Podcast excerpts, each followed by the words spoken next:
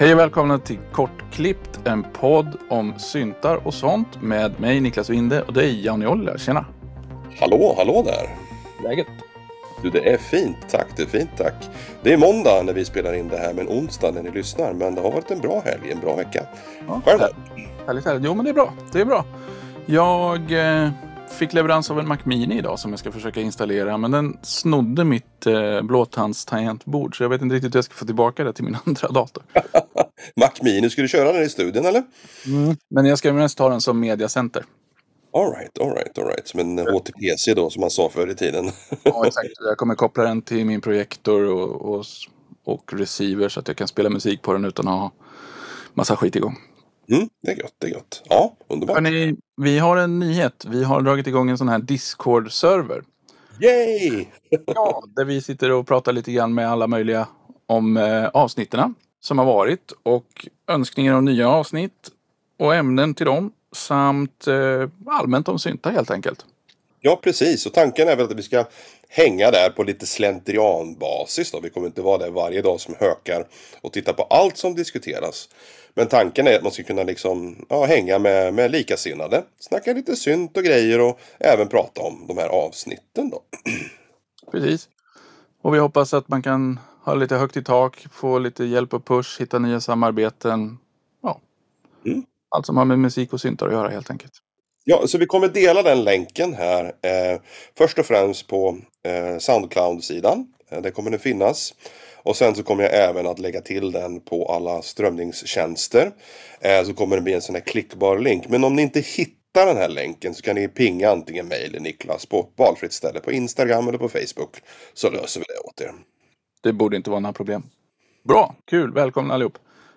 Sen har vi en annan rolig nyhet. Du har precis släppt en skiva. ja, det har jag gjort med Burg. Mm. Eh, eller inte precis släppt. Jag har precis släppt en pre-order på en skiva. Det är så här. Eh, jag satt och jobbade med den här plattan. Jag började 2020 när jag precis hade flyttat till Sverige. Och tanken var att göra en fullängdare. Eh, mitt under pandemin. Jag jobbade på den där skivan i nästan två år. Gjorde. Jag var helt utmattad när skivan var klar. Och jag orkar liksom inte trycka ut någonting. Så den där har legat och väntat under en längre period på ja, bättre tider egentligen. Och sen då, i och med att jag valde att släppa skivan helt själv. Det vill säga inte i regi med något skivbolag. Så har jag egentligen då från scratch eh, varit tvungen att lära mig alla de här stegen i den här processen när man ska släppa en platta. Så det är inte bara då eh, att släppa digitalt utan jag har även valt att släppa en CD. Jag har valt att, valt att göra en kombination med CD och kassett med demoversioner. Som en limited box som har massa extra klistermärken och massa roliga grejer och så då. Och det är massor med grejer som har hänt där som jag tänkte kanske kan vara intressant för er lyssnare att ta del av. Vad är det egentligen man, man ger sig in i när man ska släppa ett fysiskt skivsläpp då? Eh, nu är det ju eh, idag eh, inte lika lätt att sälja plattor som det var förr om åren. Eh, så om man vill göra en digitalare så är det ju som oftast mycket billigare och enklare att få ut det. Men personligen så gillar jag det fysiska formatet. Eh, framförallt vinyl, men det är extremt dyrt idag. Det tar väldigt lång tid att få en skiva pressad. På grund av extremt långa väntetider hos eh, tryckerierna då. Eh, så att jag valde själv när jag skulle göra den här burgplattan, eh, Pendulum Swing som den heter, eh, att släppa en CD och en liten limited edition med massa extra go godissaker. Och det där är då, vad är det man behöver tänka på när man ska göra ett fysiskt släpp? Eh, alltså först och främst så när man ska mastra en skiva eh, så brukar folk när man säger nu ska jag mastra en platta så snackar man mest om att göra en audiomaster. Det vill säga man tittar på låtarna, man ser vad de har för dynamiskt omfång. Man tweakar och twixar med lite EQ, och lite kompressorer och limiters och sånt där för att få liksom låtarna att funka ihop. Men ska man släppa en CD så är det inte bara den audiobiten man måste ta hand om utan man ska även titta på den faktiska Redbook, eh, det vill säga det Redbook-standarden som sedan baseras på. Hur den ska tas om hand. Eh, så det är massvis med saker som måste göras där. Och det är lite kul faktiskt för att du och jag snackade om det Niklas. Eh, och du hjälpte mig med den hela den här Redbook-grejen. Eh, för jag brukade göra det här själv. Men det man måste tänka på när man gör en, en Redbook Master är att du, det du egentligen gör att du förbereder som en mall, en ISO-fil eh, av skivan. Det vill säga hur CD-skivan ska se ut fast i digitalt format. Eh, och sen levereras den i form av en DDP. Och DDP är ju formatet som eh, själva tryckeriet använder sig av för att verifiera att eh, att skivan är som den ska vara. Har en massa checksums och sånt där inblandat. Och så att de kan verifiera att eh, den här imagen som de får är verkligen den imagen som de sen sedermera kommer att printa ut då. Eh, och då är det en ganska stor process där. Jag vet att du måste gå in eh, i varje spår. Du kanske kommer ihåg det själv Niklas vad du gjorde. Men du ja. måste, i, i, varje spår måste du definiera start och slut. Hur mycket mellanrum det ska vara. Hur mycket lead time det ska vara i början på CD-skivan. Och eh, massvis med sådana där saker. Och framförallt om du ska sätta ihop låtar så måste man ta bort lead time så att inte det blir något glapp när man byter tracks på, på skivan liksom innan man byter av sig själv. Och det där är ju någonting som jag är väldigt tacksam över att du hjälpte mig med Niklas. Eh, vi har ju faktiskt glömt bort de praktiska detaljerna. B. Så hade inte jag heller några verktyg kvar att göra de här grejerna med. Nej. Vad tyckte du själv? Var det en, var det en komplicerad process? Nej, alltså ja. så här, det som du nämner det här med, med glapp mellan låtarna är ju, är ju lite bökigt och pyssligt och så här, men du hade ju gjort det så smidigt att du hade ju bakat ihop de låtarna till en enda fil. Mm. Som hade båda låtarnas namn. Då fattade man ju genast att det här är ju två låtar. Så lägger man ju liksom upp dem i en lista. Och sen så får man ju sätta en markör att mitt emellan låtarna är det en ny låt. Så att um, ehm, sådana här grejer som, det finns ju ibland en liten display på en CD som visar låtnamn och sånt där. Mm. Det ingår ju i den här filen som man skapar i det här programmet. Så dels så, så, lägger man ju in ljudfilerna, dels lägger man in en lista med namn på låtarna och sen så sätter man markörer vart de börjar och slutar och om man ska ha lead-in och alla sådana här saker. Uh, om man sätter i ISRC-koder kan man göra också för att liksom bygga upp de bitarna. Men som sagt, du hade ju förberett allting skitsnyggt och du hade en lista med, med exakta låtnamn och sånt där. Så det var bara att klippa och klistra. Eh, och, och sen lägga in själva filen och sätta in markörer exakt där det skulle vara. Mm. Men sen är ja, gränssnittet var lite småbökigt. Det känns, jag tror att det är tyskt programmet va? Ja, vad hette programmet du köpte? Jag minns inte det längre. Jag kommer fan inte ihåg det heller, men jag köpte det på din rekommendation då. Och eh, det verkar ju vara någon sorts industristandard. Mm. Och det man får ut av det är ju precis som du säger en sån här DDP-packe då. Så det är ju inte en enda ISO-fil liksom färdig utan det, det, är liksom ett gäng filer som man liksom kan sippa ihop och skicka till tryckeriet. Eh, det är bra att du nämnde ISRC-koder. Det där är ganska viktigt. Det, det, är ju, det är ju en kod som är en unik identifierare för varje låt egentligen. Eh, det är inte samma som EAN-kod eller UAN-kod utan ISRC-koden identifierar låten i sig. Så om du, din låt spelas i radio av någon anledning så kan man liksom associera den eh, med din låt och så kan du, du få betalt via STIM eller något liknande då. Och de här ISRC-koderna, eh, de växer ju inte på träd. Det är ganska svårt att hitta dem. Så det finns två sätt, eller tre sätt egentligen, att få tag på de här. Antingen så kan man, om man vill köra den lata vägen, så kan man bara gå till en sån här ISRC-kodbutik på internet och köpa typ 10-20 stycken. De kostar någon dollar per paket. Eh, det är ett väldigt, väldigt enkelt sätt att göra det på. Nummer två, det är om du redan har en digital distro hos någon, till exempel DistroKid eller Ditto. Du planerar alltså att göra en digital release samtidigt som du gör din CD-release. Eh, då är min rekommendation att du planerar eh, din release i god tid innan den ska hända.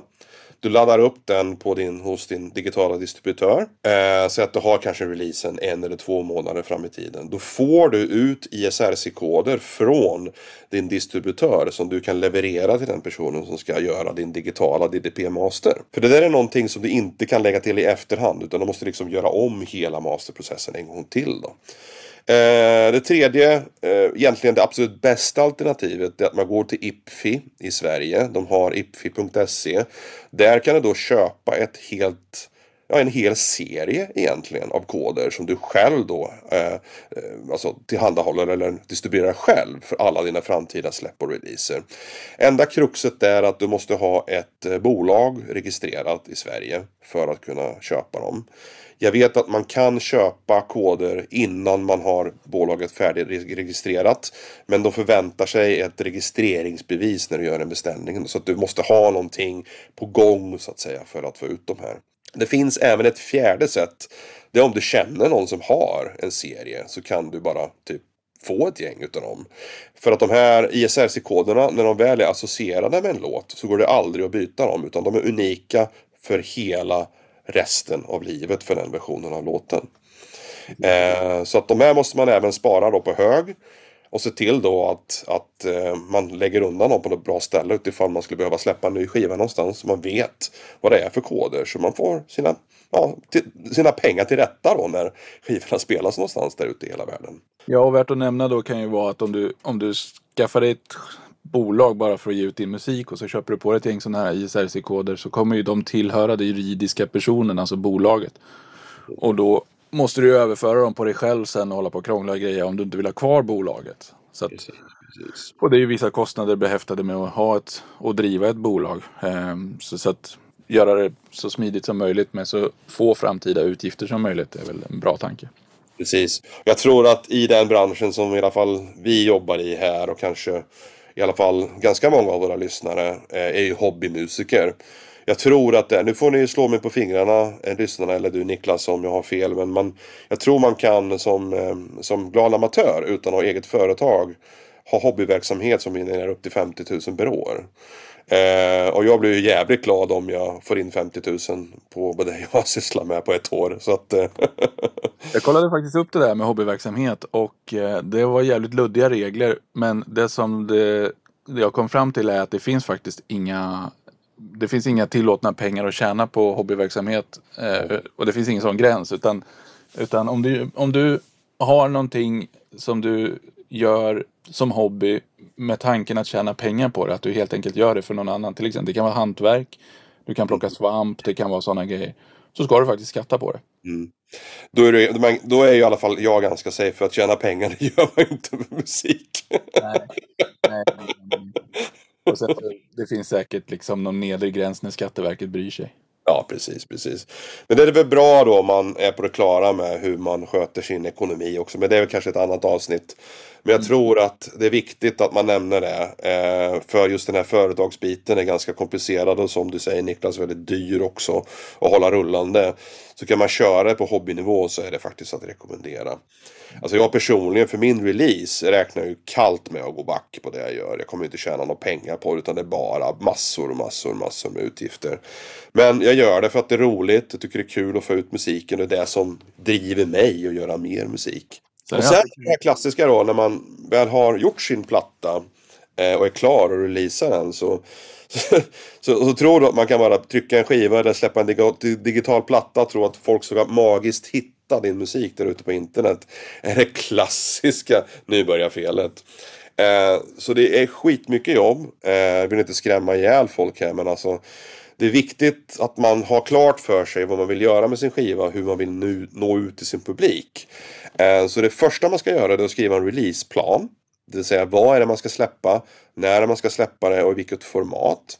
Eh, så man har en tidsaxel då, typ att ah, masteringen ska vara klar här. Den ska vara färdig eh, innan, innan jag skickar den till tryck och trycket kommer ta så här lång tid. Jada jada, hela den här biten med distribution, jag snackar om ISRC-koder. Att man ska ha dem innan man gör masteringen så man har liksom sin tidslinje klar för sig. För den där tidslinjen är alltid mycket längre än vad man tror eh, från början. Eh, och sen ska man göra en lista då på alla saker som kostar. En enkel budget.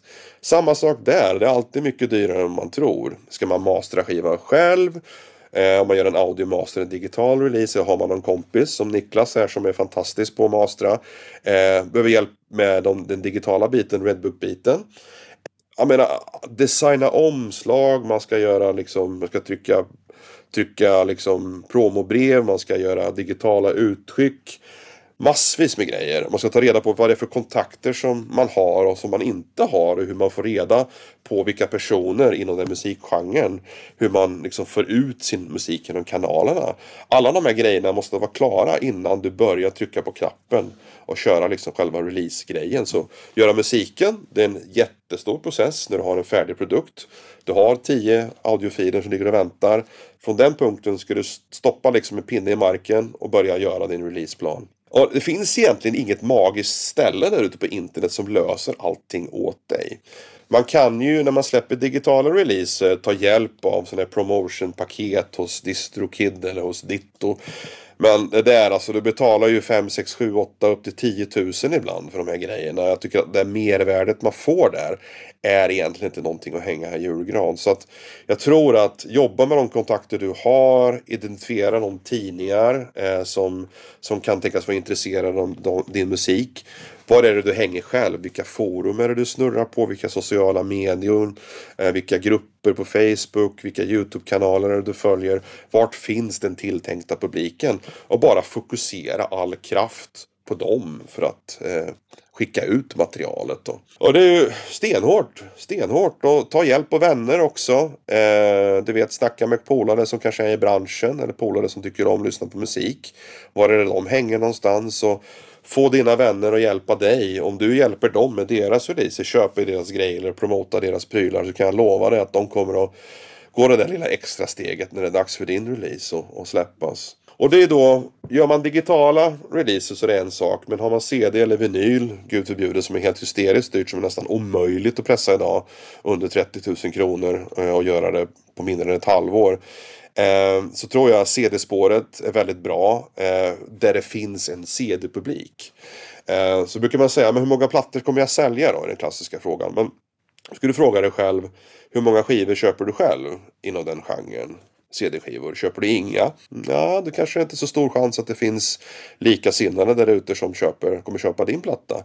Då kanske du måste hitta ett annat forum, ett annat verktyg för att nå ut till din publik. Då kanske digitalen är det bästa sättet. Vinyl är ju väldigt, du vet, eh, lockande. Alla älskar vinyl, det är på uppgång. Eh, men problemet är ju då priset.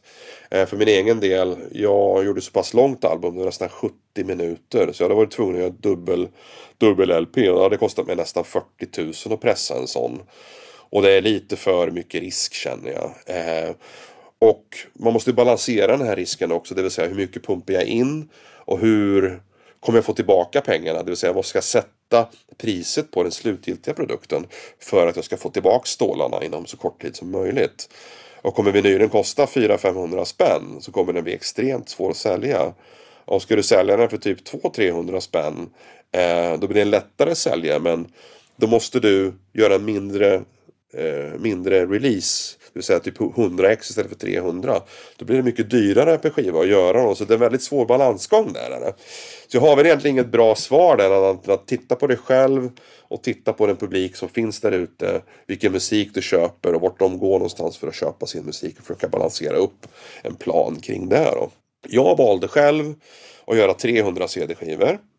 50 eh, kassetter och massa små trinkets extra i en box.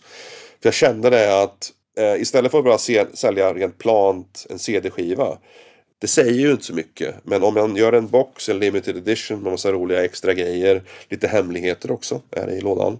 Eh, då blir det mer intressant för folk att köpa den. Så de köper den inte bara för musiken utan också bara för att få den här extra upplevelsen då.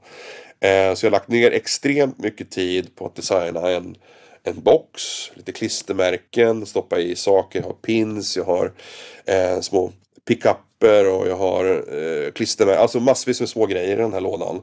Och det ger ett mervärde, det blir enklare för mig att sälja den boxen istället för att bara sälja den enkla CDn. Och det som är viktigt också eh, när, du den, när du väl är redo med din releaseplan att du har en klar promotion-presentation på plats. Det vill säga, du har dina mp3-låtar, du har bilder på dig själv, du har information, en copy som du har skrivit om plattan, vem du är och vad du förväntas göra med din musik. Eh, och det här är någonting som du kan då gå benhårt på eh, tidningar, radiostationer, socialt media för att få upp intressen och kanske få eh, folk att skriva om dig också innan plattan kommer att släppas. Och det här är ju någonting som jag kände då i början när jag, när jag skulle göra min platta, när jag var färdig med inspelningen 20, eh, 2021, att jag orkade liksom inte tag i det här. Eh, så att jag parkerade skivan under en period och så fick jag liksom återhämta mig mentalt. Och sen kunde jag plocka upp plattan för ingen hade ju hört den än.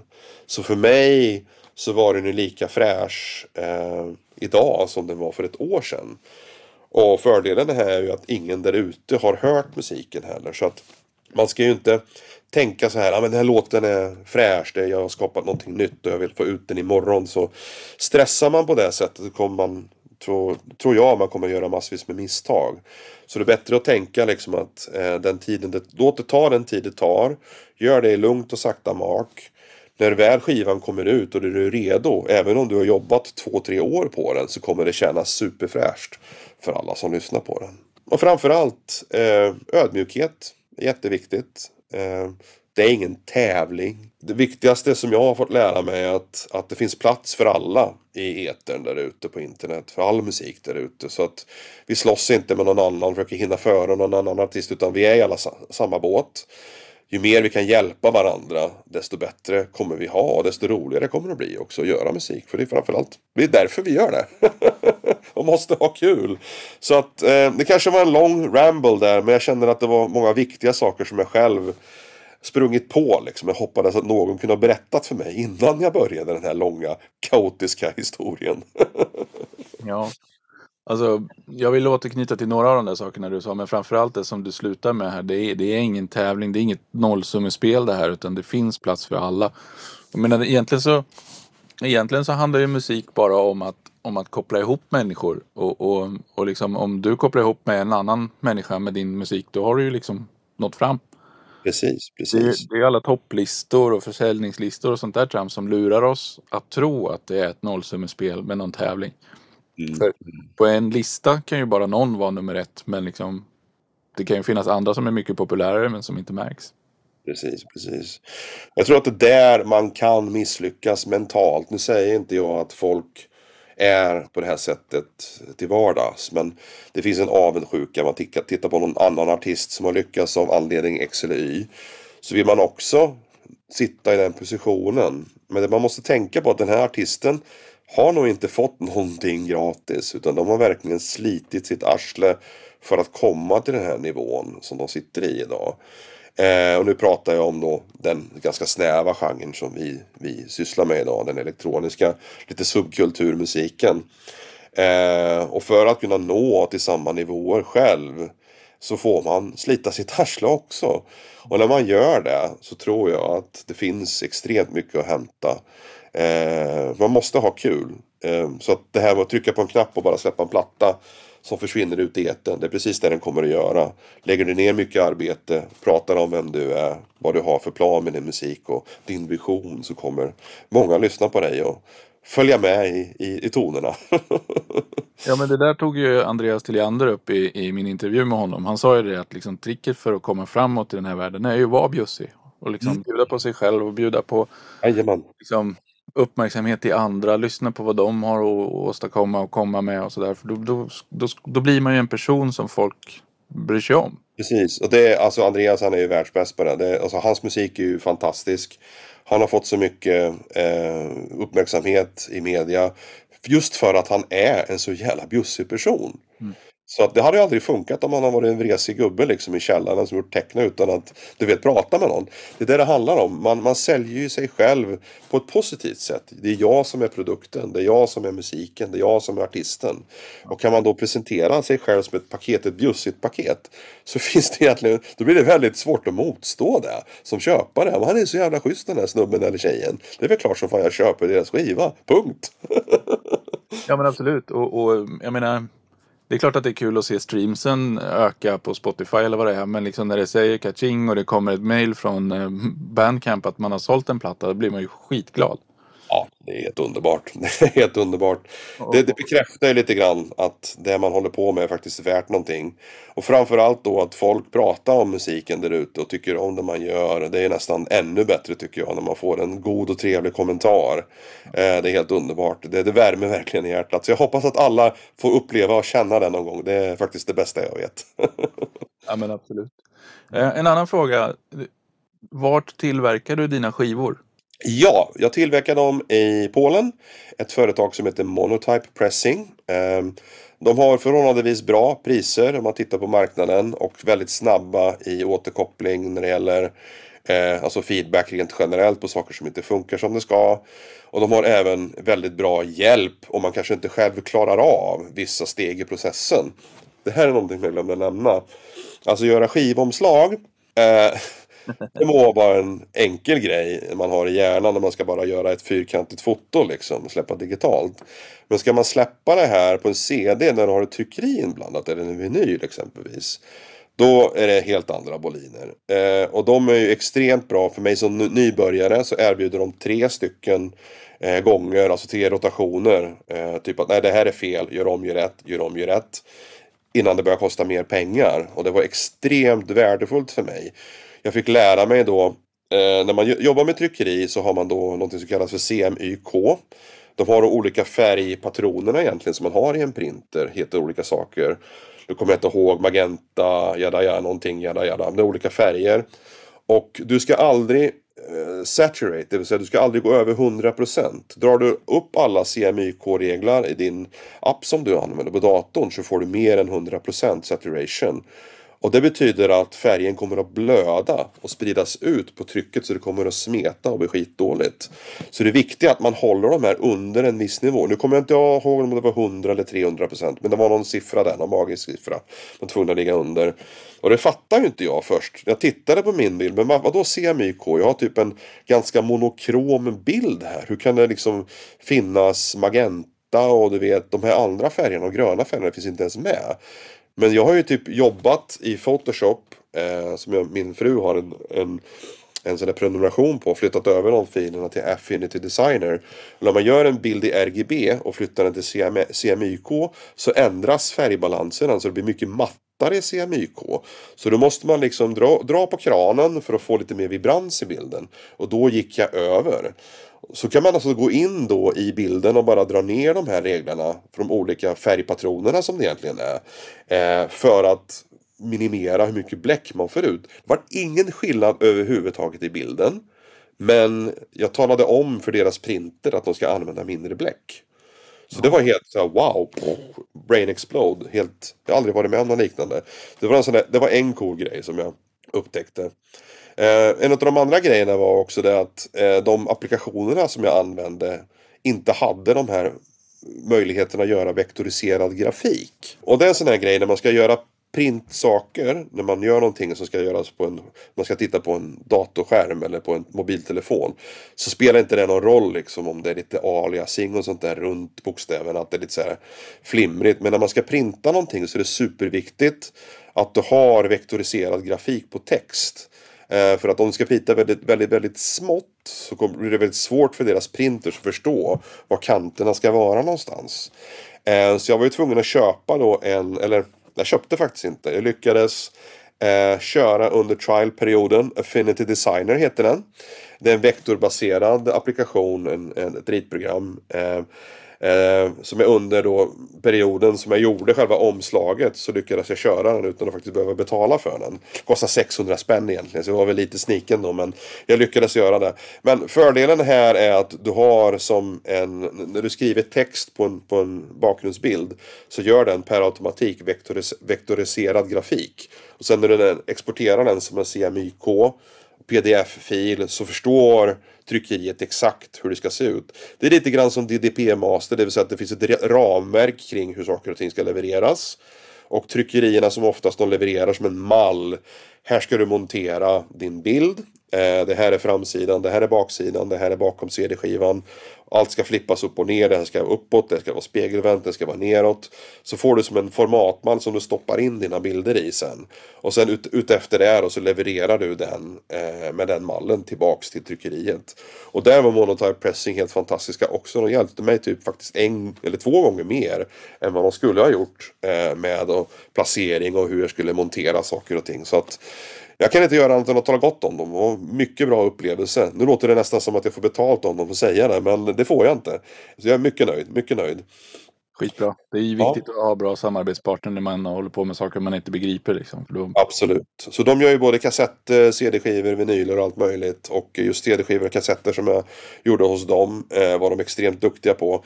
Och en grej som också är värd att nämna. Eh, jag printar en kassett och den är ju väldigt mörk i tonen. Den är typ nästan mörklila, genomskinlig. Och jag ville ha svart text på den för att det, skulle bli en sån här black on black eh, känsla. Även om de hade sagt det typ tio gånger så ringde de från tryckeriet. Hej, hej Mr Gowney. Uh, du, uh, det ser inte så bra ut det här. Vi skickar en bild till dig. Det går inte att läsa texten ordentligt. Vi föreslår att du byter till vit text istället. Men jag bara, nej men alltså nu är det så här att jag ville att det skulle se ut så här. Det var en designgrej, ett, ett artistiskt val jag hade gjort. Okej, okay, okej, okay, men bra då vet vi det. Då fortsätter vi att trycka liksom. Så att de har verkligen en känsla för eh, det estetiska. Eh, så de kan hjälpa till liksom. I alla fall de tre, fyra personer som jag har pratat med där har varit väldigt, väldigt hjälpliga. Jättebra. Mm. Och sen gör de en box åt dig också då, eller det är ett annat ställe? Nej, boxen gör jag faktiskt själv. Jag har eh, sourcat olika grejer. Jag köper som en påse eh, som jag ska stoppa allting i en svart, matt, svart giffig påse. Jag trycker klistermärken som är holograf-klistermärken för att ha på omslaget med EON-koder och allting. Eh, jag har klistermärken som jag stoppar i som är självlysande, glitterklistermärken som ska följa med. Eh, jag gör pins eh, hos ett annat bolag och gör små gitarrplektrum från ett tredje bolag. Så det är liksom, jag kompilerar allting från olika ställen och monterar själva boxen hemma. Jag även stoppar i CD-skivan och kassetten då, i densamma. Eh, så att min CD-skiva har ju en EAN-kod som jag har köpt också på internet. Och en annan EAN-kod har ju boxen så det är två stycken olika produkter eh, som levereras. Så att eh, det är lite logistik där. Jag har inte fått allting än. Jag har fått typ Ja, det är plektrummen jag har fått och påsarna och allting annat sitter jag och väntar på. Så att det, det kommer komma inom kort hoppas jag. och än så länge så är det pre-order på Bandcamp och sen kommer du släppa låtarna när, när du har börjat skicka ut skivorna. Precis ja, precis ja. Så det är två låtar man kan lyssna på. Predictor, eh, vilket är egentligen det dubbigaste huvudspåret. Eh, sen har du en låt som heter Cold Echoes som är lite mer melodiskt. Eh, som jag släpper samtidigt med preordern som man har någonting att lyssna på. Och sen när skivan då släpps den eh, 23 januari nästa år. Så kommer alla låtarna att finnas lyssningsbara och även då eh, Alltså folk som köper digitalen kommer att få dem. Eh, men jag vill ju gärna då att de som köper CDn och boxen kommer att få höra låtarna först. Så jag ska se till att försöka få ut de här i god tid innan den 23 så att de dimper ner hos folk också. Och det är också en sån här grej som ska vara med i releaseplanen. När måste allting vara klart? Mm. För att jag ska kunna skicka ut skivorna så att personen som har köpt sin platta får den innan den 23 januari. Eh, och då får man liksom det där är någonting som jag själv blir förbannad på. Jag köper en platta, jag köper typ eh, senaste Rival Consoles från Erase Tapes. Och den dyker upp en månad efter att den har funnits på Spotify liksom. Jag blir lite förbannad. För att jag som kund då, eh, jag förstår ju att det är vinyl, det kanske tar tid och reasons.